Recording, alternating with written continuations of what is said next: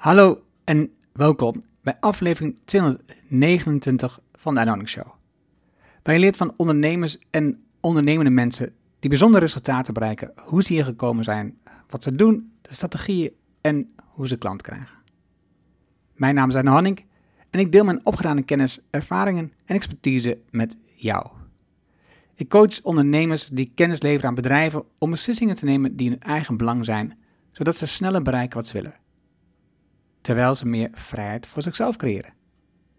Vandaag het gesprek met Katja Staatjes. Bergbeklimster Katja zegde haar managementbaan op voor haar passie en beklom onder meer Mount Everest als de eerste Nederlandse vrouw. Tevens leidde ze een aantal expedities in het Hooggebergte.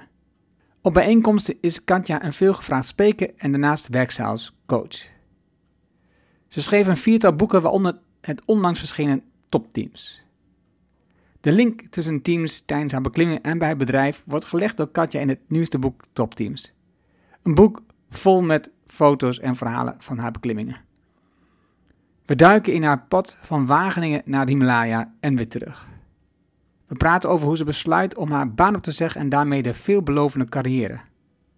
Het gesprek met Sefontaine, waardoor ze koos voor een hele andere richting en in het ziekenhuis terechtkomt. En waarom ze daar uiteindelijk weer definitief haar baan op zegde voor de kunstsport. Ze vertelt hoe ze daarna werk combineert met het beklimmen van de hoogste toppen. Veel plezier met de inzichten van Katja. Laten we beginnen. Welkom in de Erno Hamming Show. De podcast waarin je leert over de beslissingen om te groeien als ondernemer met je bedrijf. Luister naar de persoonlijke verhalen van succesvolle ondernemers en ondernemende mensen. Dan nu jouw business coach Erno Hamming. We zitten hier in, is het Salland trouwens? Ja, hè? in het geweldige, fantastische Salland. Ehm, en waarom is het zo fantastisch? Nou, het doet mij denken aan huizen. Ik kom uit Twente, woon nu in eh, ehm, eigenlijk de Liemers, maar laten we zeggen de Achterhoek. En, en dan Salland voelt ook net zo. Dat is gewoon zo'n mooie omgeving achteraf. Uh, wijdse blik, tegelijkertijd overal nog steeds bomen, uh, weiland. Ik hou er enorm van. Dat, dat is het, het landschap is, doet me altijd veel plezier. En ik zit bij in de kantoor, ja, kantoor van Katja. Welkom in de podcast, Katja. Katja Staatjes. En um, we gaan het hebben over nou ja, je nieuwste boek, Top Teams. Dat kreeg ik van je ter voorbereiding. En, uh, maar we beginnen gewoon even bij jou als persoon. Uh, je bent vanuit de VWO naar um, de Universiteit in Wageningen gegaan. Ja. En hebt levensmiddelentechnologie gestudeerd. Ja, klopt ook. Waarom, waarom, waar, hoe kom je tot zo'n keuze? Waarom, Ja. waarom besluit je dat? Nou, ik ben begonnen in Wageningen met, zoals dat toen heette, humane voeding. Dus dat is eigenlijk voedingsleer. Ja. En eh, ik ben na, denk ik, een half jaar overgestapt. En eh, dat is een interessante vraag waarom ik ben overgestapt. Ik vond het eigenlijk... ehm, Ja, misschien vond ik het wel te veel een vrouwenstudie, zeg maar. Er, waren, er zat nogal wat een, behoorlijk aantal anorexia-dames bij. Eh, en ik, ik dacht eigenlijk, ik wil eigenlijk niet in die hele diëten en, en, en in die wereld terechtkomen. En ik voelde me eigenlijk meer aangetrokken tot het bedrijfsleven. En eigenlijk begon ik toen in de gaten te krijgen dat die studie daar eigenlijk minder voor geschikt was dan, dan levensmiddelentechnologie, wat een veel zakelijker insteek had. Hè, achteraf denk ik, goh, het is wel heel erg procesmatig, want het gaat over bewerking van voedingsmiddelen. Dat gaat in mijn ogen in een aantal gevallen veel te ver. Hoewel het natuurlijk zeker nodig is, hè, ook eh, alleen al het maken van brood en zuivelproducten. Eh, maar ik ben dus met volle overtuiging levensmiddelentechnologie gaan doen. Dat was gewoon een hele mooie studie. En daarna ben ik bij Campina gaan werken. Ah, jij bent een actief sporter. Eh, Ja. We hadden het even ons voorgesprek over, over het hardlopen en oh, uiteraard die bergklimmen, maar goed, eh, in ieder geval een fanatiek sporter. Ja, En je leest, gok ik, net als ik, ook veel over voeding. ja. Gezond eten. ge- ja want dat was dus mijn interesse waarom Precies. ik dat wilde doen. Precies. Ja. Als je nu terugkijkt naar die studies Ja, en met de, met de wetenschap, met de, nee, met de, kennis die je vandaag opdoet, Ja. over voeding. Hoe kijk, je, hoe kijk je daar naar terug? Ehm, Want je had het over dat, over dat bewerken van het voedsel. ja, ik. eh, en bedoel je dan, hoe kijk ik terug op die. Zou ik dezelfde keuze gemaakt Nee, hebben? nee, of gewoon wat, heb je, eh, wa- wat je leert tijdens een studie, of dat, of dat goed is voor de mens. Ah, oké. Nee, daar, dat leer je. Ja, je leert natuurlijk heel veel over eh, allerlei aspecten van voeding. te- eh, zeg maar eh, vitamines, eh, hoe het met eiwitten werkt, met, met koolhydraten. Dus je doet heel veel kennis op over, de, over gezondheid. Ik was op dat moment ook, ook vegetarisch. Ik eet nog niet zoveel vlees, maar toen was ik echt fanatiek vegetarisch, zoals veel studenten toen in Wageningen, wat toen nog een hele alternatieve wereld was. Ehm, maar er is eigenlijk niet zoveel veranderd. Ja, in zoverre wel dat nu het hele duurzaamheidsaspect en het, en het vraagstuk van vlees en, en het voedingsvraagstuk in de wereld, daarin speelt Wageningen een hele belangrijke rol, dat we daar meer van weten. Maar ik heb er natuurlijk wel heel veel kennis op gedaan in, in wat gebeurt er precies als je voedingsmiddelen bewerkt. En ook qua hulpstoffen. En daar was ik al nooit zo'n voorstander van. En ja, dat is zeker niet minder geworden. Dus eh, uiteindelijk is het het beste natuurlijk om, om de levensmiddelen, de, de grondstoffen zo puur mogelijk te gebruiken. Maar goed, we moeten natuurlijk levensmiddelen ook juist zien te conserveren. Want als we dat niet doen met melk, is er natuurlijk, ontstaat er een probleem. En dat is natuurlijk met veel producten. Ik, ik zat gisteren te kijken naar een documentaire Vegan 2019. En het is niet dat ik vegan ben, maar ik probeer wel daar wat mee te doen en, Ja. en wat, wat bewuster mee om te gaan. Ja, En het is. Wat me opviel was een onderdeel waar ze ehm, ehm, bezig waren, wat in Canada dit jaar is gebeurd, dat dus de voedingsadviezen vanuit de overheid zijn aangepast. Dus daar is zuivel en vlees eh, Ja. bijvoorbeeld uit het voedingsadvies gehaald. oh, ja. En dat zijn in mijn optiek wel belangrijke verschuivingen. Waar ik me kan voorstellen dat die in die tijd in Wageningen nog anders tegen aangekeken wordt. Ja, zeker. Toen, wa- toen was dat denk ik echt... eh, ja, het was gewoon niet aan de orde dat je zo'n advies zou geven. En eh, voor de wereld zal het beter zijn. Ik merk, hè, wat je merkt als je intensief sport is... Hè, de- dan is vo- voeding is natuurlijk sowieso cruciaal. Maar zeker hoog in de bergen merk je dat nog meer. Eh, want daar, daar hebben we geen, geen nauwelijks vers fruit... Eh, en eh, ook geen vlees en zuivel. Nou ja, houdbare melk, is misschien nog wel. Nou, melkpoeder. En, en, en wat kaas. Maar dan merk je gewoon als je heel weinig van dat soort dierlijke producten eet. En ontiegelijk intensief bezig bent, hoog op zo'n berg. Dat je echt je lichaam gaat schreeuwen om eiwit. En dat is toch lastig. Want dan zeggen mensen tegen mij: ja, maar dan kun je toch noten eten. Ja, maar dat werkt daarboven niet. Want dat is te zwaar verteerbaar. Dus ik eet weinig ei, maar op een expeditie eet ik in een basiskamp morgens drie eieren. Je lichaam schreeuwt om eiwit en dan blijkt gewoon toch dat dierlijk eiwit ja, op dat moment effectiever is. Maar het is natuurlijk een luxe product. Ja, ja ik, dat had ik in je boek ook gelezen. Je, je had het over drie maanden. Ik zag ook Ja. echt eigenlijk zo, je zes eieren voor. Dus, Ja, ja. ja. echt eh, ongelooflijk, ja. En, en, en, en bijvoorbeeld ei is dus ook een van de producten waar ik dus op gigantisch op ga minderen. Want ik vond het ook altijd heerlijk. Ik kon rustig twee, drie eieren op, eten. Dus Ja. dat vond ik geen probleem. En nu eet ik echt bijna geen eieren meer. Oh, ja. Ehm, en en ik, ik eet wel veel noten. En Het is ook Ja. gewoon lekker. Het is ook een soort mooie vervanging voor Absoluut. andere snoepere en dingen. pelvruchten natuurlijk in Nepal wordt de rijst met linzen gegeten. En dat is zo'n voedzame maaltijd. Ja, Dat precies. is heerlijk. Ja. Ja. En je was ehm, in die tijd, of net daarvoor, eh, ook ehm, fanatiek eh, lopen, hardlopen. Eh, je hebt wedstrijden gelopen 800, 1500 en 3000 Ja. meter.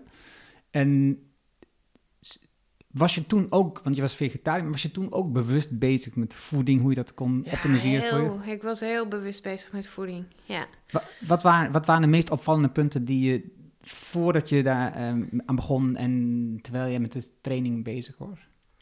Ehm, nou, voordat ik ging studeren in Wageningen eh, werkte ik ook als een soort eh, vrijwilliger in een, in een soort alternatieve eco-plaza-achtig. Zo, Dat waren toen nog hele kleine winkeltjes. Omdat ik heel, gewoon alles wilde weten over voeding en... en ehm, ja, mijn kennis heeft zich verdiept, maar er is eigenlijk in mijn manier van eten niet heel veel veranderd. Ik heb altijd eh, geprobeerd goed naar mijn lichaam te luisteren en eh, gezond te eten. Ik vind ook uit, ja, ik vind eigenlijk vanzelf gezonde dingen ook lekkerder. Dus, dus hele zoete kunstmaat. Nou, ik ben wel een chocoladeliefhebber. Hmm. Maar eigenlijk ook dan weer hele pure chocolade die niet zo zoet is. Ja. En je, hebt het al dan over die voeding, dat je daarvoor gaat, dat interessant voor is. Wat maakt het eigenlijk dat je dan die eerste stap zette om die eerste opleiding te volgen aan Wageningen? Waarom was voeding zo...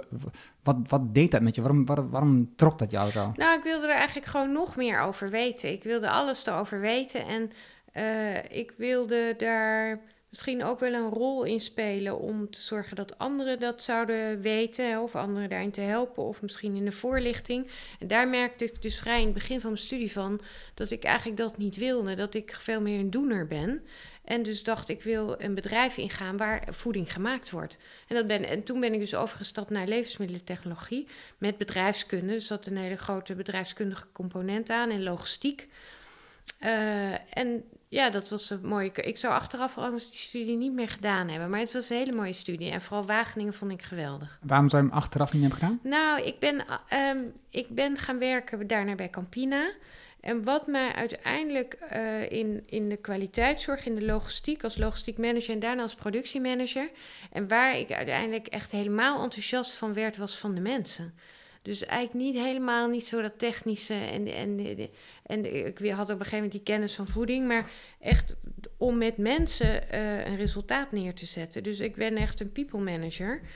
En ik merkte gewoon dat ik steeds meer ook... Ik, ik, vanuit Campina kreeg ik de kans om allerlei leiderschapstrainingen te doen. Ehm, dat hele aspect van de psychologie en het functioneren van het persoonlijk leiderschap en het samenwerken... dat heeft mij eigenlijk eh, het meest geboeid. Dus achteraf zou ik, denk ik, psychologie of antropologie zijn gaan studeren. Maar het maakt niet veel uit. Ik heb een mooie, hele mooie weg eh, bewandeld... en was anders misschien wel niet in het bedrijfsleven terechtgekomen. Dus het was zeer, helemaal prima. Nee, dat denk ik ook altijd. Het, Ja. het, is, het is altijd makkelijk terugkijken wat Ja. je anders... Maar uiteindelijk heeft het wel gemaakt waar je nu staat. Ja, zeker. Ja. Ben je vanuit Wageningen gelijk bij Campina uitgekomen? ja, ik deed stage bij Campina. Eh, en dat eh, is me goed bevallen. Eh, heel goed bevallen. En zij boden mij toen een traineeship aan. En en dat- was in eerste instantie het idee. En toen uiteindelijk ben ik mijn eerste deel van traineeship in die kwaliteitszorg begonnen. En eigenlijk beviel me dat gewoon daar zo goed. Ik ben daar gebleven. En toen al, al vrij snel, na ruim een jaar, ben ik doorgestroomd naar de logistieke kant en de productie. Ik was uh, jonger, ik was 28, toen was ik productiemanager van een grote fabriek met 160 mannen. Allemaal echt een mannenwereld. En Ja. Die eerste functie, die viel me ook op, hè? dus de kwaliteitszorg, dat je de Ja. invoering verantwoordelijk was van de invoering van de ISO, ISO, ja. ISO oh, 9002. dat is, is dat nou, de oude wereld. precies, is dat nou, want is dat een geluid van tekenzin, zeg maar, of was, was, vond je het super interessant? Nee, ik vond het heel interessant. Want wat mooi was aan. Nou, ik heb in eerste instantie kwaliteitsborging gedaan, een half jaar. En toen werd ik eh, projectleider ISO-certificatie. Eh, en dat gaat natuurlijk eigenlijk over borging. Dus dat gaat eigenlijk over afspraken maken hoe je kan zorgen dat die kwaliteit eh, zo is, maar vooral zo blijft. En dat gaat dus over werkinstructies, procedures. En vooral dat je dat op papier hebt staan. Dat je kunt aantonen dat je dat goed doet. Nou, Waar, waarom ik het heel interessant vond, was dat ik alle aspecten van de organisatie door kon om eh, eigenlijk eh, eh, de afdelingen te helpen om dat op papier te zetten. En soms maakte ik dingen, schreef ik dingen uit of ik, ik interviewde hun en schreven zij het uit. En uiteindelijk, als je dan die hele handel op papier hebt, nou ja, dan kom je best wel even wat verder mee. Maar op een gegeven moment denk je natuurlijk, jongens, die hele papierwinkel, wat moeten we daarmee? En dat is natuurlijk de hele beweging die in die, kwaliteitszorg gemaakt is. Dat je op een gegeven moment weer terug moet naar minder papier. En dat je juist wat minder. Maar jij hebt natuurlijk ook regels nodig. Dus ik vond het heel interessant. En zeker ook. Wet, ik had natuurlijk ook veel met, met, met regelgeving te maken. Uh, om dat allemaal uit te pluizen. En op een gegeven moment. Ja, nee, dat is mooi. En ik leerde vooral de organisatie goed kennen. Kwam echt overal.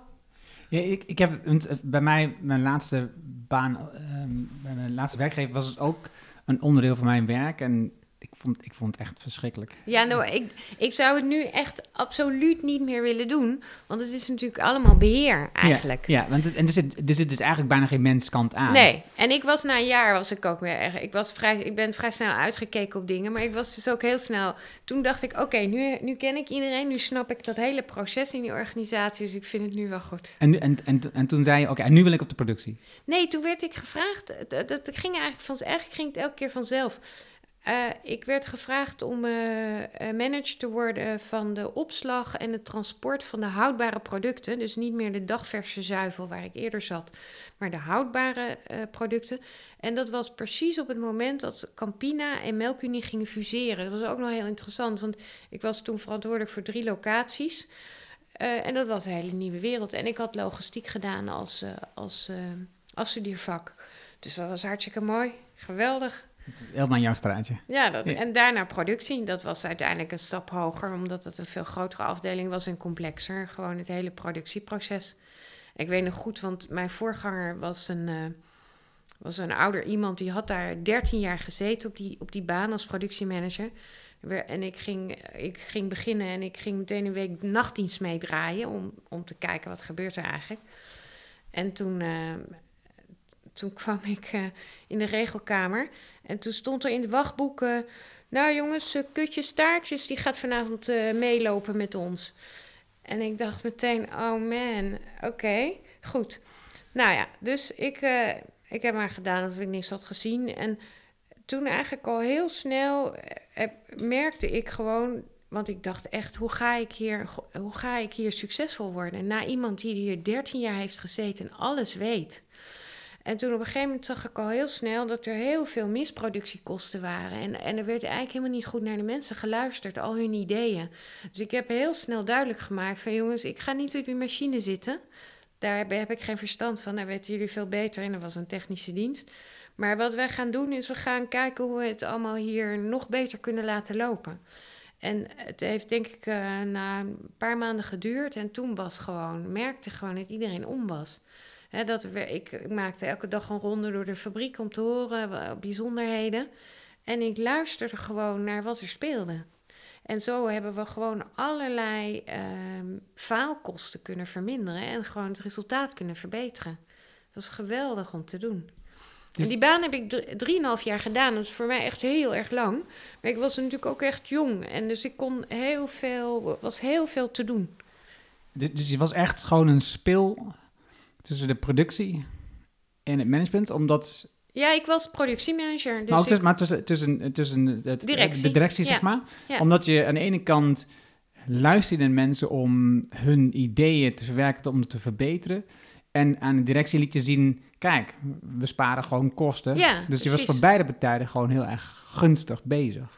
Ja, ik, ja, het ging om het gezamenlijke doel in en uit, uiteindelijk de totale organisatie. Maar ik vond het heel mooi om te doen. Ik heb heel veel geleerd. Ja, heel mooi bedrijf ook. En, Ja. Maar het was toen al dus de fusie... ehm Campina Melkunie was al lange tijd bezig, maar in de productie merkte je daar nog wat van? Nou, de, eh, toen ik in die logistieke baan zat, werd die fusie geëffectueerd. En toen ik dus in de productie kwam, was dat denk ik inmiddels een jaar terug. Eh, en toen ja, was heel veel effect van die fusie. Want we hadden, eh, Campina had een locatie vers, dagverse productie in Rijkenvoort, in Brabant en in Eindhoven.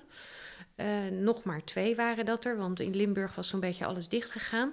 En Melkunie had dat op allerlei plekken. Heilo bijvoorbeeld, Woerden, in Rotterdam. Eh, en Bleskensgraaf was volgens mij ook. Nou, ook verschillende locaties. En er moest natuurlijk voor al die producten bekeken gaan worden over het totaal gezien. Van, goh, we, we maken nu vanillevla op drie locaties, maar kan dat niet beter op één locatie? Dus we hadden eindeloze analyses over hoe dat efficiënter en beter kon. En ja, dat moest allemaal voorbereid en uitgevoerd worden. Dus dat, was, ik zat va- vaak in woorden toen ook. Om, eh, en maar dat was ook heel mooi om te doen. Want had je Ja. niet op dat moment het gevoel ook dat er werd gezaagd aan je poten? Dat, er, dat er Nee, ja. een deel van je productie eh, Nee. weg werd getrokken Nee. misschien? Sterker nog, ik heb op een gegeven moment mijn eigen lagen overbodig gemaakt. Ik heb mezelf weg, weggesaneerd. eh, door eh, de twee teamleiders die daaronder zaten, zeg, die, die aan mij rapporteerden, zeg maar, die om, omhoog te schuiven. Dus we hebben gewoon een laag weggehaald. En dat was prima. Dat ging prima. Ja. Dan ga je van Campina, maak je een overstap naar de manif- manifestaire dienst bij UMCU, Ja, ja, klopt. het ziekenhuis. Ja. Eh, ik zie de link niet zo. Hoe kom je Nee. nou van de levensmiddelen bij een ziekenhuis? Ja, ik, ik, ik, ik, kan het nog wel voor mezelf nog wel enigszins vertalen, maar hoe kom je, hoe kom je zo die stap te maken? Ehm, nou, het is een beetje een complex verhaal, maar om het, eh, om het maar even samen te vatten. Ik had mijzelf dus weggesaneerd eh, bij Campina, of althans in Eindhoven. Eh, ik was inmiddels besmet met het virus van de bergen.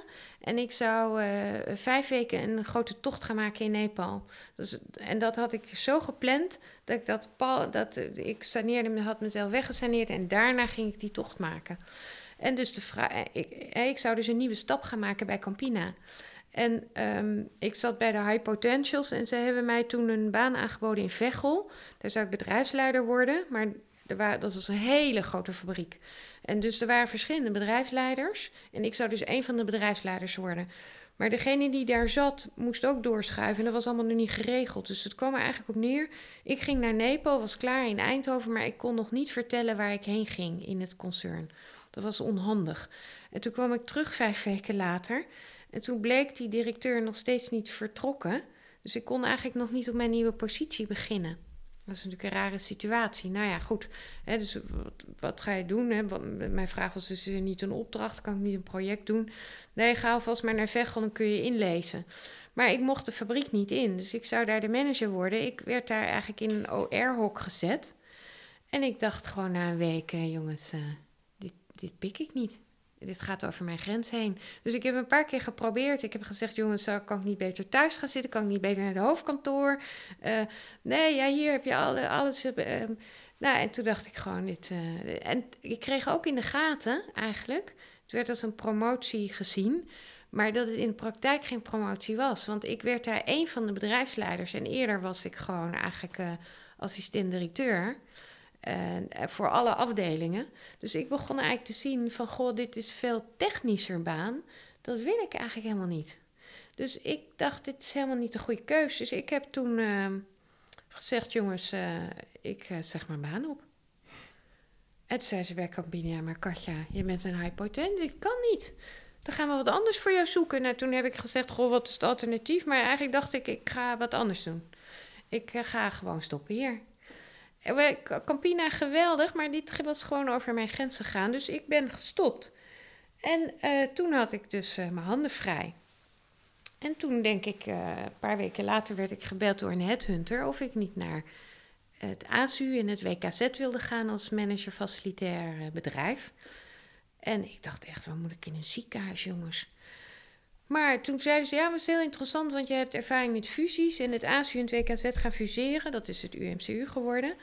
En eh, je gaat rapporteren aan de raad van bestuur. Dus eh Ser Fontaine, en daar ga jij een gesprek mee hebben. Die is later natuurlijk de baas geworden van Schiphol. Ik heb met, met die man gaan praten en ik ben echt helemaal gegaan door zijn passie. Het was echt heel bijzonder. Ik dacht echt, voor deze man wil ik werken. In deze baan. Eh, Dat snap ik. ik. Ik kan me iets bij voorstellen, ja. En het was echt een geweldige baan.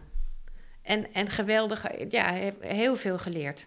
Maar dat heb ik niet zo lang gedaan, want toen heb ik mijn baan opgezegd voor te klimmen. Maar ik ben dus niet wars van, van eh, radicale keuzes. Hè. Het- Even het- terug naar die, want Ja. de, de, de, eerste radicale keuze die je maakt, hè? Je zegt, er werd een grens overschreden bij jou. Ja. Welke waarde werd bij jou op dat moment aangetast? Eh, ja, het, het had eigenlijk met waardigheid te maken, met respect, met.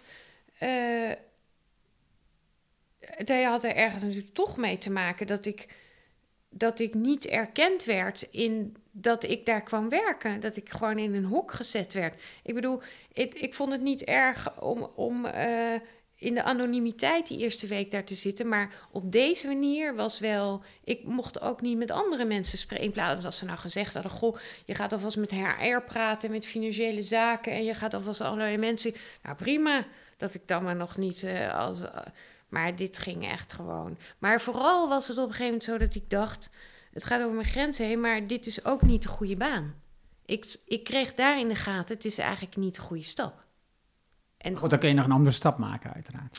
Ja, maar toen, toen dacht ik, nou, het is misschien ook wel goed om na acht jaar. Ik wel had acht jaar bij Campina gewerkt, om gewoon iets heel anders. Ik dacht eigenlijk misschien ook wel, ik wil eigenlijk die uit die technische omgeving.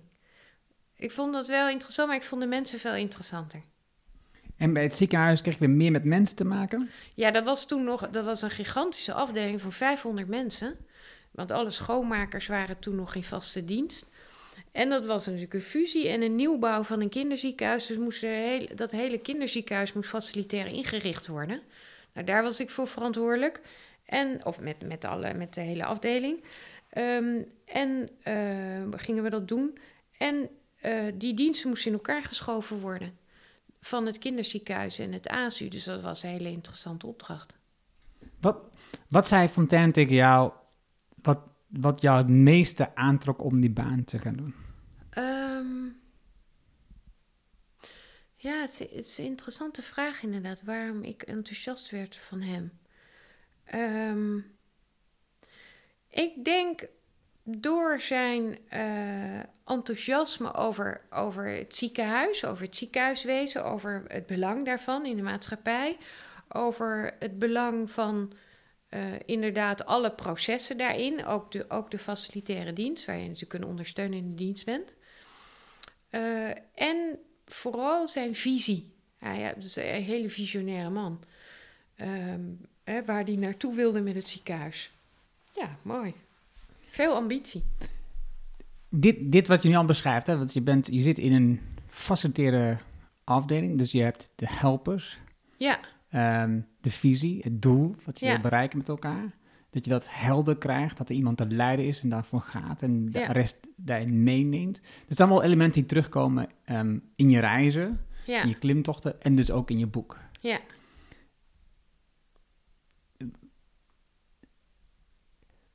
Je ziet ontzettend veel linken in het klimmen, uh, in de zes fases van het klimmen. Ja.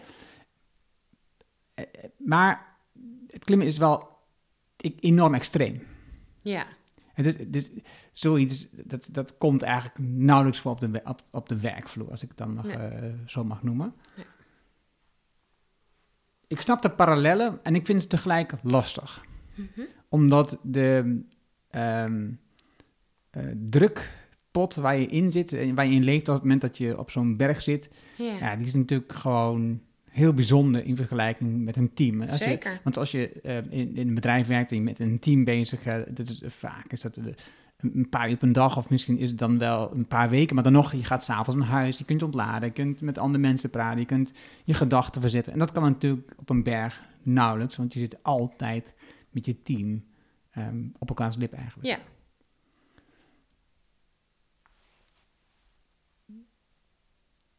Jij, jij bent gaan klimmen vanuit je passie uh, van het wandelen in de Alpen. Ja. Wat was nou op dat moment het moeilijkste in, in, in dat teamverband, in, dat, in het proces van het klimmen op die grotere bergen?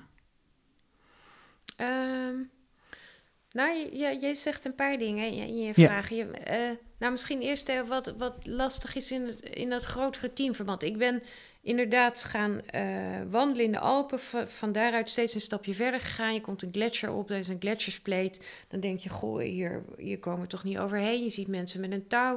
Nou, dan ga je terug en dan denk je, goh, ik ga eens een cursus doen. Want ik ook weet hoe ik dat kan doen. En nou, die cursus gedaan en dan komen er wat rotsen op een gletsjer waar je echt uh, moet gaan klimmen met een touw. En moet je zeker, ook leren zekeren. Zo is steeds een stapje verder gegaan. En zo, zo ben ik uiteindelijk gaan wandelen in Nepal. Een trektocht met ook wat klauteren en klimmen erbij. En toen bleek dat ik goed tegen de hoogte kon en dat ik het geweldig vond in de Himalaya. En zijn die grotere beklimmingen in zicht gekomen. Onder andere in 1998 de eerste uh, naar de Cho-Oyu, 8200 meter, nummer 6 van de wereld, met een Nederlands team. Dat was al, en jouw vraag was, hè, een groter team, wat, wat was daar lastig aan? Hè? In ieder geval de verandering van het gewoon... Sorry, ik moet even de microfoon bij. Het is de verandering van het gewoon sportief klimmen in de Alpen naar echt gewoon een expeditie Ja, in de bergen met een, met een klimteam, met helpers, met dragers, ja alles precies. wat omheen speelt. Nou, eh, dus ik ging eh, naar Tjeojo in een georganiseerde expeditie door, door twee Nederlandse eh, leiders, twee Nederlandse gidsen. En dat, daarin kenden we elkaar van tevoren niet, maar zijn, en een paar mensen kende ik wel. We zijn gaan trainen samen, elkaar leren kennen. Dus we hadden wel degelijk wat gezamenlijke voorbereiding, maar dat was wel een expeditie met een groot team. Nou. Hoe groot, hoeveel mensen is het dan? 18 Nederlanders en eh, drie Nepalese Sherpa's. En die beklimming ging eigenlijk heel goed. Ik eh, zat in het eerste topteam en we bereikten met z'n tweeën de top. En toen zag ik Everest liggen en zo is eigenlijk Everest begonnen. Maar Everest was ook een georganiseerde expeditie door gidsen, waar ik de mensen helemaal, de deelnemers niet kende. Daar zag ik heel erg tegenop. Maar ik had zelf de ervaring niet om het te organiseren, dus dat was vrij duidelijk. En Ronald Naar, die toen nog leefde, die was al geweest. En niemand anders had een plan in Nederland. Dus ik heb me toen aangesloten bij zo'n internationale beklimming. Om eigenlijk dat dat voor mij de kans was om naar Everest te gaan. En ook om meer ervaring op te doen. En daarna had ik de ervaring om het zelf te gaan doen. En ben ik dus gaan werken met veel kleinere teams. Want ehm, ik denk, en zeker in zulke extreme omstandigheden, daar heb je gelijk in, hè, dat is natuurlijk veel extremer als in het dagelijks leven. Ehm, hoe kleiner het team, hoe makkelijker en hoe wendbaarder je wordt. En hoe makkelijker het is om open te communiceren, met elkaar in contact te zijn. ehm, eh, echt te werken vanuit het gezamenlijk belang. En dus ik ben daarna eigenlijk alleen nog maar weg geweest met hele kleine ploegen. Ja, in je boek heb je het over zes tot acht mensen. Ja, dat, dat zou ik zeggen voor in een organisatie. En ik denk zelfs in een beklimming van 8000 meter dat het, dat de ideale teamgrootte nog iets kleiner is. 4 tot 5. Ja. Als je weer te klein bent. Ik ben op een gegeven moment ook met Henk alleen eh, op zo'n expeditie geweest. Er waren er wel andere teams, maar wij waren echt met z'n tweeën zonder ook Nepalese Sherpa-klimmers of Nederlandse teamgenoten. Ja, met z'n tweeën ben je natuurlijk, dat was een bewuste keus hoor. Maar met z'n tweeën ben je natuurlijk nog kwetsbaarder. Want als er iets met eentje gebeurt, hoogteziek, infecties die je heel snel krijgt op hoogte, of een ongelukje, ja, dan, eh, dan ben je nog maar alleen. Dus ik, ik zou zeggen, op 8000 meter is een team van vier of vijf eh, ideaal. Even nog weer een stapje terug. Ehm, je hebt op het moment dat je ehm, de overstap maakt, of tenminste eigenlijk op het moment dat je die baan, dat je zelf hebt weggesaneerd, eh, besluit je om vijf weken op pad te gaan, berg te gaan klimmen. En later zet je de volgende stap en dan zeg je je baan op. Ja. Ehm, wat waren de stappen, hoe, ging dat proces dat je op een moment kiest om je baan echt op te zeggen? Eh, nou, dat, dat was. eh, dat ging vrij snel. Want ik, ik heb dus die ene week op die andere locatie gezeten voor Campina. En dacht, bedacht met twee dingen: dit gaat over mijn grens. Eh, en dit is eigenlijk helemaal niet de goede stap voor mij. En toen was ze vrij snel klaar. Ja, En- dat, en- maar dan kom, ik- dan kom je bij het, eh, wat nu dan het eh, UMCU is, Ja. kom je uit, maar, en daar besluit je na twee jaar werken om, Oh, Je om, baan daar, te om helemaal mijn baan op te zeggen. Dat was. Nou, ik zat in de voorbereiding voor die beklimming naar 8200 meter. En eh, dat was al een jaar van tevoren al bekend. Dat had ik met Serfontaine besproken. Die vond het een tof plan. Het is echt, die heeft zelf de marathon in New York gedaan. Dus die vond dat geweldig. Die zei: Nou, weet je, je moet het zelf regelen in je afdeling. Verder vind ik het allemaal prima. Nou, daar was ik het helemaal mee eens. Maar wij zaten dus in die verhuizing van dat nieuwe ziekenhuis, de nieuwbouw van dat kinderziekenhuis. En die verhuizing kwam er zo langzamerhand eh, meer aan. En wij hadden dus onze schoonmakers heel hard nodig voor zowel de nieuwbouw als de oudbouw. En wij hadden dus tegen onze schoonmakers gezegd voor de zomer van 97: alsjeblieft jongens en meisjes, ga niet zes weken naar Marokko of Turkije. Dat ging vroeger nog met busjes. En veel allochtone medewerkers, want we kunnen jullie dit juist niet zo lang missen. En vervolgens zou ik drie kwart jaar later acht weken op expeditie gaan. Ja, dat is natuurlijk niet uit te leggen. Dus ik kwam eigenlijk steeds meer tot de conclusie van... goh, dat is niet het goede voorbeeld. En het goede voorbeeld geven vind ik een, een van mijn belangrijkste waarden in het werk en in het leiding geven. En ik kwam er eigenlijk ook, eh, merkte ik, ik was alleen maar aan het werk en dan ging ik s'avonds om half elf nog hardlopen. Uh, en ik zat behoorlijk lang in de file, want ik woonde op dat moment in het zuiden van het land. Uh, en ik dacht, ik wil eigenlijk alles tegelijk. Ik wil op die expeditie. Ik heb een geweldige baan waar ik heel veel tijd in stop. Ik wil carrière maken. Ik wilde als vrijwilliger ook nog tochten leiden in de Alpen. En ik had toen een andere partner die niet klom. En die zei: Ik vind het allemaal prachtig, die expeditie, maar wij gaan uh, wel nog drie weken samen op vakantie. Dat was zijn voorwaarde. Uh, waar ik ook wel begrip voor had. En dat was niet allemaal uh, te combineren. En toen dacht ik: Oké, wat ga ik doen? Wat wordt het? Ofwel die baan. En dan ga ik niet op expeditie, want dat kan ik niet maken. Of het wordt uh, die expeditie. En dan kan ik ook uh, met mijn partner dat plan realiseren. We zouden naar Amerika gaan.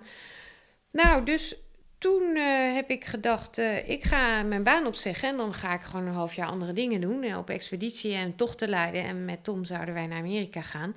En dat is allemaal helemaal uit de hand gelopen. En ook nog uh, ben ik gescheiden vervolgens. Dus dat is allemaal anders gelopen. Maar dat was het idee. En ik heb dat allemaal lang van tevoren anders als bij Campina. Want bij Campina zei ik mijn baan op. Ik zei, ik heb hun gezegd, ik zeg nu mijn baan op. Uh, maar bij Campina heb ik dat heel, of bij het ASU en het WKZ heb ik dat anders gedaan. Daar heb ik dat al ruim een half jaar van tevoren gemeld zodat we een hele goede opvolger konden vinden. En dat is interessant, want wat ik toen merkte, is dat doen mensen normaal niet. En uh, mensen gaan ervan uit als jij je baan opzegt, dat jij, ik weet niet wat, stopt met werken of zo. Dus ik had dat gemeld en dat vond ik lastig, want ik had een geweldige baan. En ik merkte de twee weken daarna, ik dacht, wat is er aan de hand zeg? Komt niemand meer naar mij toe? Uh, wat, wat is er? En toen kreeg ik in de gaten dat iedereen dacht dat ik gewoon uh, al gestopt was. Nee, ik zei, jongens, we gaan goede opvolgers zoeken. We gaan zorgen dat het, uh, we gaan volle kracht door. En dan zie je dus dat dat eigenlijk niet gewoon is. Nou, dus ik heb gewoon een, half jaar kaart doorgewerkt. We hebben nog heel veel dingen kunnen afmaken. En een hele goede opvolger kunnen inwerken. Die daarna het meteen kon overnemen. Nou ja, zo. Ik wil gewoon dingen goed doen. Dat is heel herkenbaar voor mij. Mijn laatste baan, ik heb iets vergelijkbaars gedaan. Um, ik, heb, ik wist op een moment dat ik voor mezelf wilde gaan werken. Ik heb mijn baan ook opgezegd. Ik heb in april aangekondigd. Ik had uitgerekend dat ik dan 1 september wilde stoppen. Oh ja, ja. Um, want er waren twee projecten um, die op dat moment nog liepen, die ik zelf was gestart, die ik heel graag wilde afronden. Uh, uh, ik wil dat soort dingen altijd goed afronden, gewoon goed achterlaten. En en uiteindelijk is er nog een maand aan vastgeknopt, omdat dan september, dan is net vakantie, dan zou het lastig worden met een opvolger vinden. Dus dat was ingewikkeld. En dus heb ik het, uh, zijn, ben ik 1 oktober uh, ben ik voor mezelf begonnen, omdat ik dus uh, oktober, of het, september ook nog heb gewerkt. En voor mij was het ook, ik wilde, gewoon, ik wilde het gewoon goed achterlaten. Ik wilde het goed organiseren. In mijn geval was het ook niet dat mensen dachten dat ik gestopt was. Dat was denk ik ook het afding en het, het bedrijf te klein voor. Um, maar ja, het was... Het, ik vond het gewoon fijn om het, om, om het, om het, om het zo over te dragen dat het, dat het zou doorlopen. Hè? Ja, dus, dus ik had twee van die projecten die vrij groot waren, waarvan ik het gevoel als ik nu wegga, dan, dan stokt dat. Dan, ja. dan, dan, nee, en dat wou ik niet. Nee, dat zit gewoon dan in je, dat je gewoon iets, iets goed... Ik ben echt een 100%er. Ik doe iets wel of ik doe iets niet. He, dus ik doe het, ik, ik ga ervoor. Ja, of ik doe... Ik kan niet iets half doen is ook wel eens lastig, maar, uh, maar ja, en... en um, Wat is er dus, lastig aan dan? Nou, dat, uh, dat ik mezelf soms veel stress opleg, omdat ik wel verschillende dingen tegelijk doe, maar ik wil alles goed doen. En de, ja, dat vraagt natuurlijk tijd en energie en dat is soms lastig te combineren. Maar uh, dat is uiteindelijk toch zoals ik het wil doen. Ja. ja, zoals ik dat zie, voor mij vraagt het altijd focus. Hè? Dus, dus ja goed nadenken over de dingen waar je ja op zegt en de dingen waar je nee op zegt. Uh, en, en, dat is denk ik het belangrijkste wat, wat, wat ik dan te doen heb op dat moment. Is nadenken, oh ja, welke dingen wil ik wel doen? Ja. En welke consequentie heeft voor dingen die ik dus niet kan doen. Ja, zeker. En dat, en dat is, dat is uh, lastig, ja. dat uh, klopt. Hè. Op het moment dat je een keuze maakt, dan betekent dat je andere dingen dus niet kunt doen. Zeker. Um, maar ja, het is wel helder. Ja, zeker. En keuzes maken is uiteindelijk eh, wat belangrijk is. Je zei trouwens straks volgens mij over topteams eh, dat het een hele extreme situatie is, eh, waar ik het over heb, dat klimmen boven 8000 meter, dat je eh, soms de vergelijking lastig vindt. Ja, met het bedrijfsleven. Ja? En omdat je dus, het is in jullie geval, ehm, eh, dat was iets waar ik, wat ik, ik, heb, ik had weinig verstand van, eh, van Ja. bergklimmen voordat ik het boek, nou heb Mhm. nog niet veel verstand van, maar in ieder geval Ja, iets meer nee. verstand nu. Het is, dat basiskamp, dat snapte ik bijvoorbeeld niet. Hè? Dus, dus je, hebt, je, hebt een, je hebt een team van, van 60 dragers, schreef je een bepaald moment, Ja. waarmee je dus alle spullen naar dat basiskamp brengt. En daarna ga je met, met zes of zo ga je verder. En dan denk ik, hoezo? Want hoe zit dat met al die spullen die eerst de 60 mensen is gebracht en dan heb je nog maar zes mensen. En hoe, hoe doe je dat allemaal? En waarom dat basiskamp? eh, want je gaat toch naar de top en dan ga je weer terug en dan ben je toch klaar? En dus ik begreep het hele proces niet zo, weet je. Dus, dus, ehm, maar bij basiskamp is dat je telkens weer terugkomt en dan weer een volgende stap ja, maakt. omdat je niet in één keer naar boven kan klimmen door de ijle lucht. Ja, ja maar, En- maar, dan, eh, dan ben je halverwege en dan moet je weer terug. Ja, en dan moet je uiteindelijk moet je, Ja. een keer moet je de hele tocht maken. Zeker. En eh, het is grappig, want dat basiskamp is, is een van de metaforen die door eh, organisaties als een van de krachtigste metaforen wordt gezien. Eh, dat je eigenlijk, natuurlijk willen wij ook in één keer naar de top, eigenlijk het liefst, maar dat lukt niet door de ijle lucht. Dus je moet klimrondes maken om langzaam te wennen aan de hoogte en elke keer weer terugkomen in het basiskamp. En dan is het fijn dat daar extra spullen zijn, reservespullen, ook als een tent weggewaaid is en iets beter eten en noem maar, maar op. En Tent weggewaaid. en commu- communicatieapparatuur, ja precies, je tenten waar je daar nog wel eens weg. Communicatieapparatuur hè, voor, nou ja, we werken ook met media en, en vaak ook met sponsors. Ehm, dus je komt elke keer terug in dat basiskamp en dat is zo'n krachtige metafoor, omdat natuurlijk veel organisaties in reorganisaties, transformaties zitten, eh, in een fusie, noem maar, maar op, veranderingen, waarbij je ook heel graag dat resultaat morgen wil hebben. Maar als je erover nadenkt en er goed naar kijkt, lukt dat gewoon niet. En moet je af en toe die stap terugzetten. En dus, eh, wa- wat natuurlijk is het in de bergen veel extremer, maar het is er ook simpeler. En je kunt werken met de beelden. In mijn lezingen werk ik hè, met. Dit, hier zijn de foto's in het boek van Menno Boermans, fotograaf en mede-expeditiegenoot. Maar in mijn lezingen gebruik ik mijn eigen beelden. Maar een beeld zegt vaak meer dan 100 woorden. En mijn verhaal ehm, heeft impact, wat, tenminste wat ik terughoor. Juist door het beeldmateriaal en die krachtige metafoor. Omdat het zo extreem is, wordt het eigenlijk duidelijker wat je, wat je ook in een organisatie te doen hebt als het gaat om samenwerken. Waarbij het ook gaat over verschillen overbruggen. Waarbij ook ehm, open communiceren belangrijk is, maar je in een operatiekamer in een ziekenhuis niet feedback hoeft gaan staan geven. Zoals wij dat in een storm ook niet beter niet kunnen gaan doen. Dat heeft geen zin. Daar moet je gewoon even een rustig moment voor kiezen. Nou, zo zijn er natuurlijk heel veel parallellen. Ja, ik, ik, ik, ik snap het, hè, dus, maar tegelijkertijd eh, heb ik er nog steeds moeite mee. Oké, ja, en dat nee, komt dat kan omdat je natuurlijk eh, eh, op, op het moment dat je op die berg zit en, ehm, eh, en ik had in eerste instantie had ik een vraag, dus ja, waarom is die 8000 meter zo'n grens? Nou, die begrijp ik onderhand. Hè, de zuurstof op dat niveau is totaal Ja. anders als je Ja. op, op 55 of 4500 meter bent of iets dergelijks. En er is geen begroeiing meer, dus het is allemaal anders. Dat, dat begrijp ik nu, gelukkig. Ja. Maar als je op dat niveau bent, dan zit je veel meer te... Het, het- gaat veel meer over leven en dood. Weet je? Zeker. Het is, Ja. dus het is zo extreem. Je zegt het wat simpeler. Dat, het is, daar is Simpeler, maar extremer. precies, dus je, dus je moet keuzes maken, dat snap Ja. ik allemaal. Maar in je bedrijfsleven, uiteindelijk, s'avonds ga je gewoon naar huis. Ja, maar juist doordat je eh, zo op leven en dood zit, eh, omdat je zo op het scherpst van de snede eigenlijk leeft, word je echt geconfronteerd met jezelf, met elkaar, met je eigen grenzen, met je eigen beperkingen. En dat, ehm, dat levert eh, uiteindelijk eh, inzichten op. Hè? Je, ik heb mijn grootste lessen in de bergen geleerd. En ehm, ja, wat ik probeer uiteindelijk dan met mijn lezing is door mijn ervaringen te vertellen. En eh, wat ik daar heb geleerd, hè, dat anderen daar iets aan hebben. Ja, dat is natuurlijk ook wat ik zelf ook doe. In mijn, eh, als ik eh, mijn ervaring met klanten Ja. of met mezelf, eh, daar schrijf ik over en, in gesprekken heb ik het over. En toch is het natuurlijk anders. Het, je, probeert, je probeert jouw Nee, inzichten mee te... Maar Zeker. uiteindelijk het meest het, het, meest effectief zou natuurlijk zijn, en dat is niet realiseerbaar, maar het zou zijn dat je mensen meegaat op expeditie en Zeker. daar hun eigen... Som- bij- hè, soms gaat een team ook wel eens mee naar de bergen.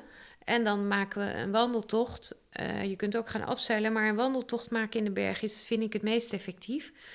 Waar je met een aantal dagen een huttentocht maakt. En dat levert zoveel inzichten op in een team. Het feit dat er iemand is die niet mee kan komen, waardoor, eh, waardoor je je natuurlijk allemaal aan moet passen. En waardoor je misschien wel de rugzak moet ver- verlichten van die ene persoon, zodat je samen wat verder, wat sneller vooruit komt. Het versterken van de zwakste schakel. Hè, wat, wat heel visueel gemaakt kan worden bij het klimmen, maar wat natuurlijk in elke organisatie belangrijk is. Hè, jezelf leren kennen, weten om te gaan met je beperkingen.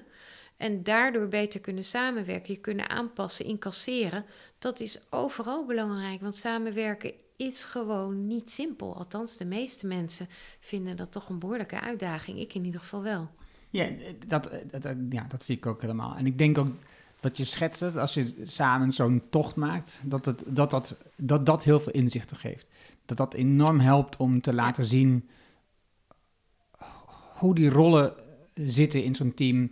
Wat de kracht is van de ene, Ja. wat de zwakte is van een ander. Ik heb ooit ehm, in mijn opleiding eh, met Tavistock ehm, eh, gedaan. Dat is in Engeland zo'n instituut die, eh, voor onderzoek naar ehm, wat drijft mensen in, in, in teams en wat drijft een teams onderling. Ja. Dat is, dat- en dat, dan zit je in zo'n zo, ook zo'n soort pressure cooker, zeg maar. En dan, Ja. en dan leer je zo ontzettend veel over jezelf en anderen. Ja, en het verbindt intens. Ja, exact. exact. Nu heb jij ehm, je verdiept in management drives. Ja. Zeg ik het goed? Management manager drives? Manage- Ja, management drive, toch? Ja. En ehm, daarin speelt een belangrijke rol dat je onderzoek doet naar ehm, de eigenschappen, de kwaliteiten van mensen. Ja, de drijfveren. Juist, dat woord zocht ik. Ja. De drijfveren van de verschillende mensen in je team, zodat je kunt, eh, of, of van mensen, zodat je een team kunt samenstellen wat gebalanceerd is, waardoor je ehm, alles, alle rollen in een team hebt. Hoe, hoe zie jij dat ehm, in verhouding tot bijvoorbeeld dat je mensen meeneemt naar zo'n tocht? Kan je, kun je voldoende inzicht krijgen bij management drives om dat ook in te schatten? Ja, kijk, er zijn natuurlijk heel veel methodieken die kunnen helpen om een team in kaart te brengen. En dat is, hè, zo heb je Enneagram, Belbin, teamrollen en, en Management Drives en Spiral Dynamics zijn er, zijn er daar ook een van. Eh, waarbij je eigenlijk een teamscan maakt van de verschillende personen in je team. eh, waar dan een soort een kleurenprofiel uitkomt met je drijfveren, wat je verwerpingen zijn, hè, dus waar je aan stoort, waar je wel of niet energie van krijgt. Ehm, en door dat in kaart te brengen eh, van jezelf, da- daarmee meer inzicht te krijgen in jezelf, krijg je ook meer inzicht in elkaar. En dat, in mijn ogen helpt dat in een team. Ik ben pas de laatste jaren in contact gekomen met management drives, dus ik heb die, die methodiek niet ingezet eerder bij onze expeditieteams van tevoren, wel op een gegeven moment na afloop. En dan is het inderdaad aardig om te zien of je elkaar aanvult. Hè? Want sterke teams bestaan juist uit verschillende mensen. Eh, k- qua leeftijd, qua ervaring, qua expertise. En als het goed is ook qua karakter of misschien zelfs wel cultuur. In een meer internationale setting. Ehm, en ik denk dat het eh, inderdaad wel helpt om meer inzicht te hebben in jezelf en elkaar. Om uiteindelijk samen stappen te zetten. En, dat, en die stappen zijn voor elk team anders. Eh, Jij en je partner verschillen ook kernelementen. Zeker, En dat, en dat komt ten goede aan je expedities. Ja. absoluut. Dus je ziet, je ziet dat je in je boek ook dat je de krachten noemt van je man op, op het moment, je partner, op het moment dat hij ehm, eh, dat de techniek weer gevraagd wordt bij het klimmen, daar is hij beter in. En in het organisatorische, daar ben jij weer beter in. Ja, dat is even qua vaardigheden, even, even los van gedrag. Maar inderdaad, want ik deel inderdaad eh, Ja, maar je had eh, ook de de expeditie pod- samen met Henk. En dat Ja. is geweldig om die passie te delen. Ja, Klopt. Maar in de, in de podcast, eh Chip, Pos- Chip podcast, had je het ook over dat je ehm, de vaardigheid, dat jij dingen beter organiseert. Eh, het glas altijd half leeg ziet, waarbij Henk het glas half vol ziet. Absoluut. En dus, ja. dus daar vul je elkaar aan. En dat is voor mij ook heel erg herkenbaar. Ik zie het ook. Hè. Dus, eh, ik, ik denk ook dat dat goed is om te doen. Dat je ervoor zorgt dat je een team vormt met je partner of met, in je bedrijf of, eh, of wat dan ook. Waarbij je juist heel erg verschillend Ja, bent, zodat je, precies. zodat je de sterkte uit elkaar. En niet hetzelfde bent, want dan krijg je alleen maar meer van hetzelfde. ja, klopt. ehm, kwijt. Nee, het is mooi inderdaad om elkaar aan te vullen. En ehm, wat denk ik ook mooi is in een team. eh, en dat is op het moment dat je je sterk met elkaar verbindt in zo'n expeditie. Is dat je natuurlijk ook gewoon echt je aan elkaar irriteert. En tegen jezelf oploopt. Hè, tegen je eigen beperkingen. Gewoon tot, nou, tot de ergste gevallen aan toe. En, en daar leer je ook van. Hè. Ik, ik weet inmiddels inderdaad, ik zie het glas half leeg. Ik zou het graag half vol willen zien, maar ik zie het half leeg. Dat krijg ik niet veranderd in mijn hoofd. Maar ik kan wel zorgen dat ik er beter mee omga. Ik kan wel zorgen dat ik op bepaalde momenten mijn mond hou. En waarbij ik de neiging heb om dan, eh, bij wijze van spreken, in een situatie het nog wat te verergeren door te roepen: als we nou dit hadden gedaan, dan, hè, dan, dan was het allemaal beter gelopen. Ja, best wel zinvol om de volgende keer. Maar op dat moment natuurlijk helemaal niet. En daar ben ik door onze expedities lukt het me beter om daar goed mee om te gaan. En daar is Henk ook belangrijk in. Want dat is het mooie van hem. Hij ziet het glas half vol. Dus of hij kapt mij af of hij brengt uh, humor in het team. Dat is natuurlijk heel belangrijk. En dat is mooi als je elkaar aanvult. En als je ook jezelf kunt zijn en je elkaar ook echt accepteert. Vanuit ook de beperkingen die iedereen heeft. Maar je gaf in, in, in een gesprek die ik gehoord van jou, het gaf je ook aan dat het juist bij dat soort hoogtes um, heel lastig blijkt om, um, nou ja, laat me even zeggen, bewust na te denken. Ja. Dus, dus je, je oorspronkelijke gedrag komt meer naar voren. Ja. En dus je hebt eerder um, ruzie over kleinigheden uh, dan je dat normaal zou hebben. Ja, dat komt door een paar, om een paar redenen. Enerzijds vanwege de ijle lucht, waardoor je gewoon echt veel slechter functioneert, fysiek en ook uh, geestelijk. Uh, daarnaast omdat we in hele extreme omstandigheden zitten. Dus in een tent waar het hartstikke koud is, waar veel te weinig ruimte is. Waar natuurlijk de hele tijd iets misgaat. De sneeuw valt om in de tent. De soep die kookt net en er is een windvlaag. Nou, ga zo maar door.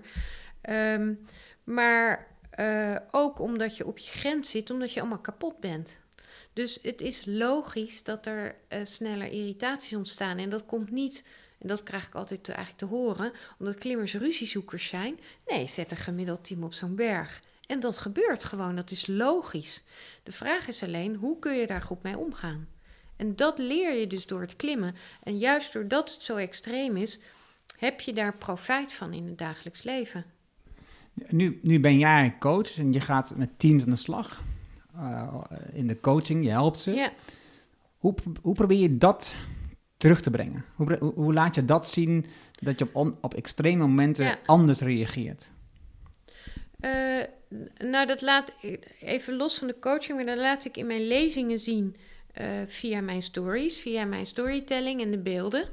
Um, waarin ik probeer mensen te inspireren en te raken. Um, over het algemeen is een coachingstraject gekoppeld aan een lezing, niet altijd. En in de coaching, hè, soms staat het er los van, en is soms ook goed, want in de coaching gaat het natuurlijk niet over mij, maar gaat het over de klant, gaat het over het team.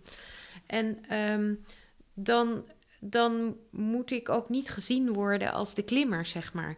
Dus waar het dan over gaat, en dat gaat natuurlijk ook in jouw podcast daarover, over het stellen van de goede vragen.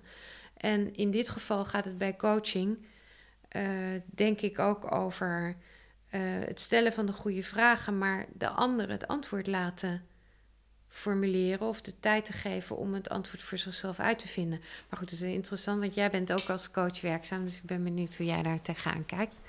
Ja, het, grappig is, ik, ik heb altijd het gevoel dat ik meer bijna mentor ben dan coach, hoe je het noemen. Uh, ik, ben, ik, ik, geef ook meer richting. Hè. Dus, dus het is, ik, aan de ene kant uh, probeer ik mensen zelf de vraag te laten beantwoorden. Op een ander moment geef ik aanwijzingen uh, wat ik heb gezien bij andere ja, bedrijven wat sure. Hè, dus, ja. dus als je, dat geldt ook voor, ook voor mij. Ja, maar ik, ja. ik, heb ook met andere mensen gesproken. Hè, dus, waarbij coaching, als je in de sec naar coaching kijkt, is gewoon dat je echt uiteindelijk alleen maar vragen stelt en de ander geeft de antwoorden. Dat, daar heb je nul sturende rol in. Ze moeten zichzelf echt vinden. En, en zo, zo'n coach ben ik dan weer niet. dus ik ben wel meer sturend. Uh, ja, van, ja, ja. Uh, van nou, kijk eens hiernaar. En misschien is dit een goed idee. En misschien past dit bij jullie organisatie. Ik heb dit gezien, dat werkt ook daar. En dus, dus ik, ik, ik denk dan, hoe kan je nou...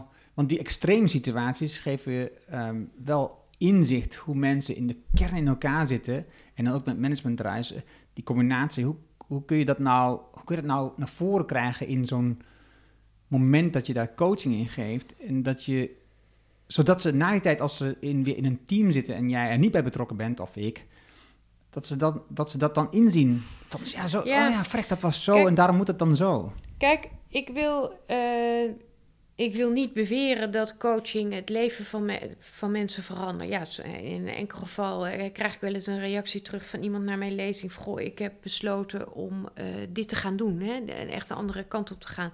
Maar als, als het goed is, helpen trainingen, coaching, lezingen in het zetten van een stapje. In de bewustwording van op een bepaald aspect. En uite- uiteindelijk is natuurlijk coaching en ook het geven van inspiratielezingen is eh, natuurlijk iets in een welvaartsstaat. Hè, laten we kijken naar Nepal en Pakistan. Daar is dat natuurlijk, eh, bestaat dat helemaal niet. Ehm, maar ik merk zelf wel dat ik het mooi vind om te doen. En ook omdat ik steeds meer gericht ben eigenlijk op het proces. Eh, ik het mooi vind om op de mensen en op het proces gericht te zijn... in plaats van zelf alleen maar resultaten te halen. En eh, telkens zelf ambitieus bezig te zijn. En ook het schrijven van een boek en mezelf bewust worden van... goh, wat speelt er nou, wat is belangrijk? Bij een boek, jij schrijft ook... En bij een boek moet je echt tot de kern teruggaan van... waar zit het nu? En wat wil ik eigenlijk zeggen? En, en hoe werkt het om, in dit geval hè, gaat het over topteams... Het, het realiseren van het resultaat dat jij als team beoogt... dat kan eh, de Everest zijn, de Mont Blanc of de Holterberg. Hè, dat maakt niet uit hoe hoog het doel is. Als dat voor jouw team een mooi doel is, is het mooi om daaraan te werken. Als, je daar, als daar betrokkenheid is en bezieling. Dat is uiteindelijk de kern. We hadden het gaat over die zes fases. Kun je die in het kort beschrijven? Ja, ik, eh, de, de- het hoofdstuk eh, eh, kent zes, of het boek kent zes hoofdstukken. Inderdaad, die, die heb ik fases genoemd. Dat is eigenlijk als eerste de, de expeditie. Eigenlijk is dat de voorfase, het doel, de koers en de voorbereiding. Ehm, daarna is er het team. Het kan ook soms is het zo dat het team er eerst is, maar in een organisatie of ook soms met een expeditie is de eerste expeditie en dan ga je het team samenstellen. Dat is de teamgrootte, het teamprofiel en, ehm, eh, nou moet ik het goed zeggen, regie. Regie in het team. En het derde hoofdstuk is eh, basiskamp. Dat is eh, communicatie of energie, communicatie en eh, vertrouwen. En dan gaan we uiteindelijk eh, beginnen met de beklimming. Ehm, daar gaat het over persoonlijk leiderschap, samenwerken en teamontwikkeling. Nou, dan komt op een gegeven moment steeds meer de top in zicht. Commitment, veerkracht en grenzen. En uiteindelijk ben je er nog niet op de top, want het gaat er juist om dat je resultaat bestendigt. Dus dan hebben we het zesde hoofdstuk, dat is afdaling. Dat is het succes vieren, want dat vier je in mijn ogen pas in het, eh, als je terug bent in het, eh, in het basiskamp. Ehm, en dat is eh, groeikracht. En dan hebben we er nog één. Nou, ik ben eventjes... het is succes en reflectie natuurlijk, die daartussenin zit, om even terug te kijken. En daarna, hoe groei je verder als team? Oké, even, je bent op de top. Ja, ik zal in de, in de eh, show notes eh, de podcast van de, Chirp, eh, de Chirpcast eh, ook even eh, linken, want daar gaan, we, daar gaan jullie dieper op dit eh, onderdeel in. En dat wil ik niet herhalen, heeft voor mij niet zoveel zin. Eh, maar eh, eh, dan ben je op de top en, en, en dan moet het toch een euforisch, eu- euforisch gevoel zijn. Dat je de top Zeker. eindelijk bereikt hebt, maar je gaat het pas vieren in de basiskamp. ja. Nou, je hebt een groot euforisch gevoel op de top.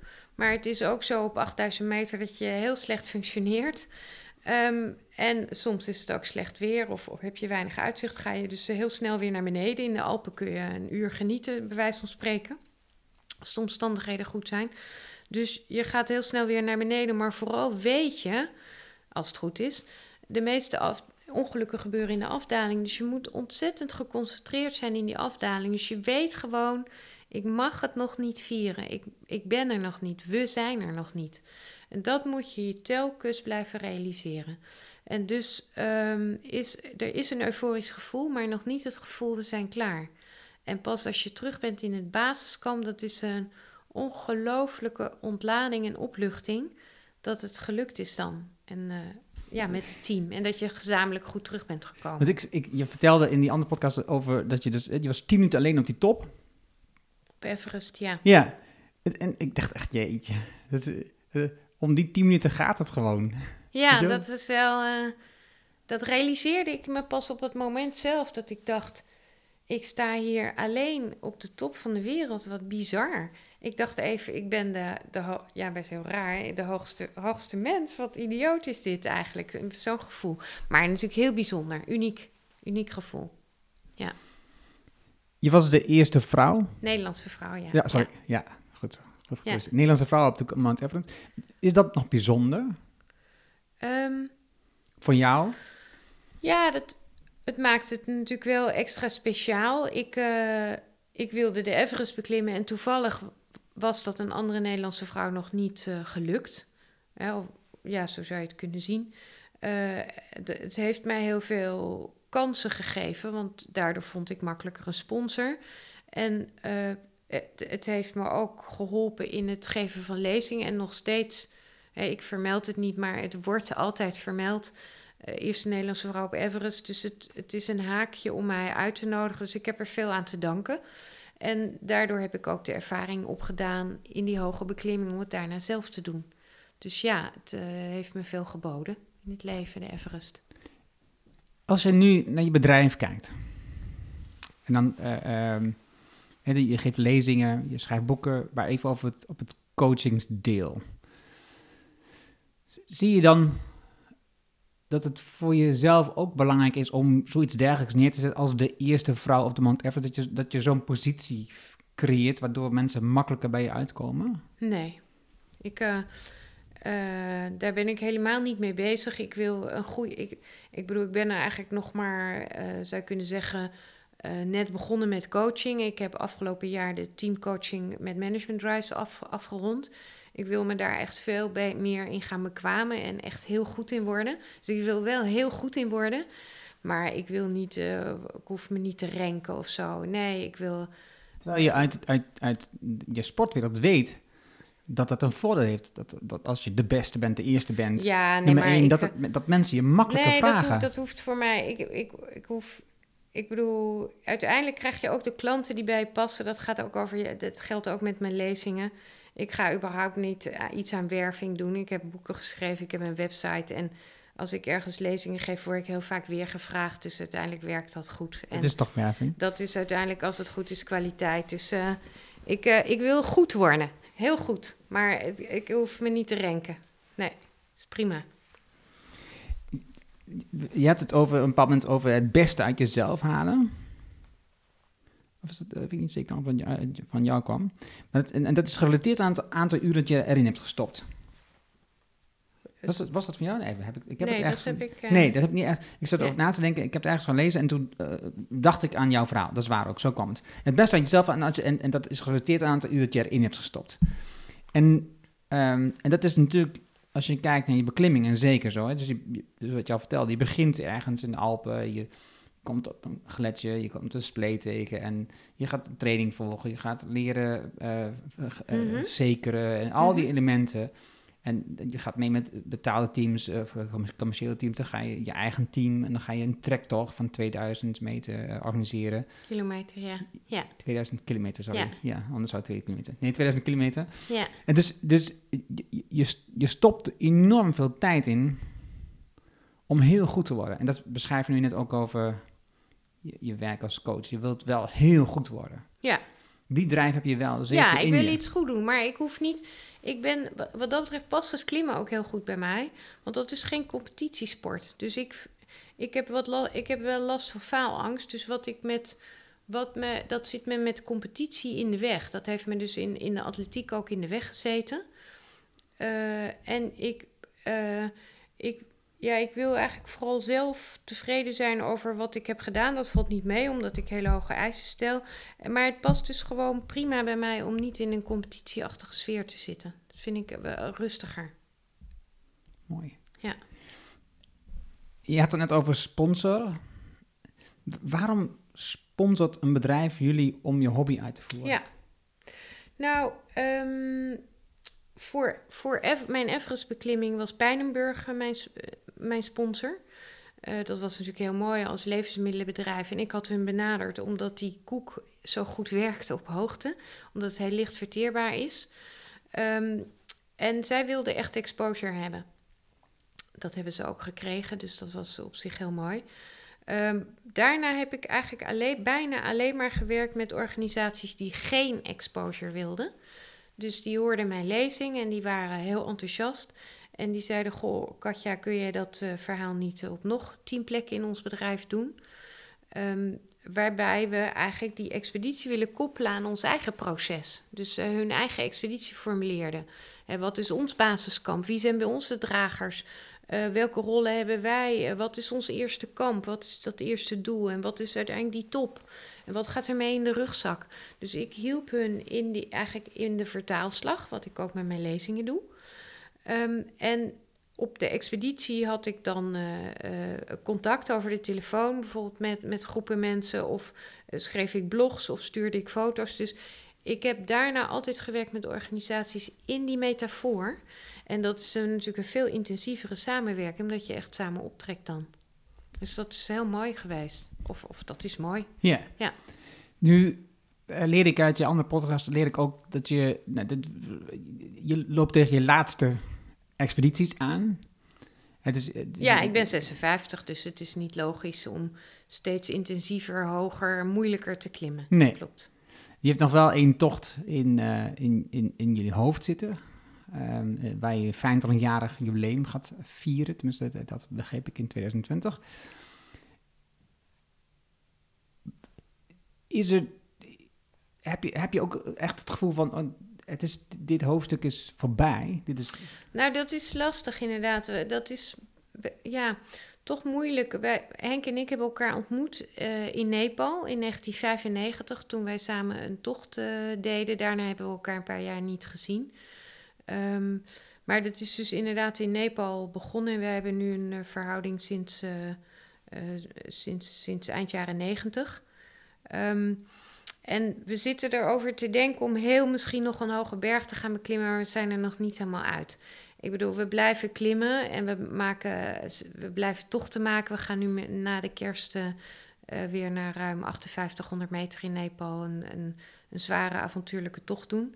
Maar inderdaad, het moment dat we. Ik ben toch nog niet helemaal zo ver om te zeggen. Het is echt helemaal afgelopen. Henk is afgelopen jaar op de topgraad van het Broadpeak geweest. Als hoogste Nederlander, als, op, als 8000er. Waarbij ik was druk bezig om het boek af te maken. Dus ik wilde niet weg. En hij wilde heel graag terug naar 8000 meter. Dat is dus gelukt. Sterker nog, als hoogste Nederlander op die 8000er. Ehm dus een hele knappe prestatie. En dan gaat het toch wel weer kriebelen. Dus we gaan, eh, we gaan het ei de komende tijd leggen. ja, want, ik, Ik zou het klimmen op zich nog wel willen doen. ja? Dat, dat gaat denk ik ook nog wel. Maar wat mij misschien nog wel het meeste tegenstaat op dit moment... is eh, de, voorbereiding en het harde werken om het te organiseren. Want ik heb echt eh, eh, afgelopen jaar ontzettend hard gewerkt aan het boek... en de alle andere gewone ehm, eh, activiteiten. En ben nu bezig met die theaterlezing... wat ook weer een heel groot project is. En ik, ja, ik ben nog ik ben er nog niet helemaal. Ik wil geloof ik niet meteen weer in het volgende grote voorbereidingsproject stappen. Dat is het eigenlijk. Maar ik zou wel heel graag gaan klimmen. Maar we zijn nog niet het kan uit. niet, het kan niet, Want- één kan niet zonder het ander. Nee, ik kan niet zonder het ander. We zouden eventueel een commerciële expeditie kunnen doen, maar dat is eigenlijk niet de manier die we voorstaan. Er zou, het zou een reden kunnen zijn om het, die- om het misschien toch te doen. We zijn nog niet helemaal uit. Maar het eh, komt sowieso goed. Eh, Wat, het- wat het lijkt me dus. De- Die laatste is natuurlijk super mooi. Maar, want het lijkt me dus heel lastig. Hè? Het afgelopen jaren heeft gewoon je hele leven heb je zo ingericht met je werk, met alles wat je doet, Ja, om het klimmen mogelijk te maken. En nu heb je. En nu is niet meer te klimmen de drijfveer van wat je doet. Nee, maar dat vind ik ook niet erg. Ik, eh, wil, ik wil me dus veel meer gaan richten op die coaching. Daar wil ik me echt op gaan concentreren. Ik, eh, ik heb nu eh, di- dit boek is gemaakt. Dat was een heel project.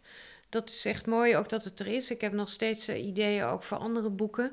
Maar dat, dat gaat misschien er nog komen eh, op een moment. Maar ik zie er eigenlijk ook wel naar uit om, ehm, om iets meer rust te creëren in mijn leven. Zodat er meer tijd is voor vrienden en familie. Wat toch wel, als ik heel eerlijk ben, uh, altijd na het werk gekomen is en na de expedities. Dus ik vind het, en ik wil intensief blijven sporten, dus achter is nog zoveel te doen. En ik ben actief als vrijwilliger in Nepal, bij de wederopbouw. We waren zelf bij de aardbeving. Dus er zijn zoveel mooie dingen te doen. En we zijn natuurlijk zo uh, ja, bevoorrecht dat wij hier in Nederland wonen. Ja, ja eens. Helemaal eens. Katja, eh, als um, mensen kennis met je willen maken. Ze willen misschien aan de slag met, je, eh, met een team. Ze willen misschien kennis met je maken via theater. Ze willen misschien je boek lezen. Waar, kunnen ze het beste jou vinden? Ja, ze kunnen mij, iedereen kan mij vinden op uh, katjastaartjes.nl. Er is ook iets over het boek te vinden, maar dat kan ook op topteams.info. En de theaterlezing inderdaad die ik ga doen, dat is in maart 2020 in zes kleine theaters in Nederland. Dat loopt via Mondia Visueel. Dat is ook op mijn website te vinden, maar anders op mondiavisueel.com. En die theaterlezing gaat over onze twee expedities naar de Berg van de Ziel, de Manaslu. Een van die bergen op 8000 meter. Het is, het is super interessant om te leren eh, van jou, van je keuzes, van de bergspot. Want ik denk dat ik, ik, ik had er heel weinig mee, dus het, het is mooi om te leren wat het allemaal behelst. Wat en dan Ehm, de connecties met teams en hoe je daarmee omgaat en hoe je dat gebruikt, ook zeker nu straks in je coaching. Dus ik vond het heel waardevol. Dankjewel, Katja. Jij bedankt, Erno. Dat was het gave gesprek met Katja. Je vindt de namen en links die we noemen in het artikel dat bij deze uitzending hoort. Ga daarvoor naar ernohanning.nl slash show 229. Wil je vanzelf automatisch de volgende aflevering van deze podcast op je telefoon krijgen? Dat kan heel simpel. Als je een iPhone hebt, dan zit daar standaard de Apple Podcast app op. Zoek de Anne Show op, klik op het plusje en je bent geabonneerd. Heb je een Android-telefoon, ook dan is het niet ingewikkeld. Installeer bijvoorbeeld de Player FM podcast app. Zoek daar ook de Anne Show op en klik op het plusje om te abonneren. Dankjewel alvast. Heb je vragen, opmerkingen, reacties over deze aflevering met Katja of over de podcast in het algemeen? Stuur mij dan een e-mail op podcast.ernohanning.nl. Ik hoor super graag van jou. Wil je leren hoe je meer rust krijgt terwijl je er geen tijd voor hebt? Hoe je het netto resultaat van je bedrijf verhoogt zonder harder te werken? Wil je weten hoe je focus krijgt op het allerbelangrijkste wat jij te doen hebt, zodat je weer gaat ondernemen? Vraag dan het gratis boek Beter Beslissingen, Meer Focus voor ondernemen aan op nhoning.nl. Dit is mijn nieuwste boek.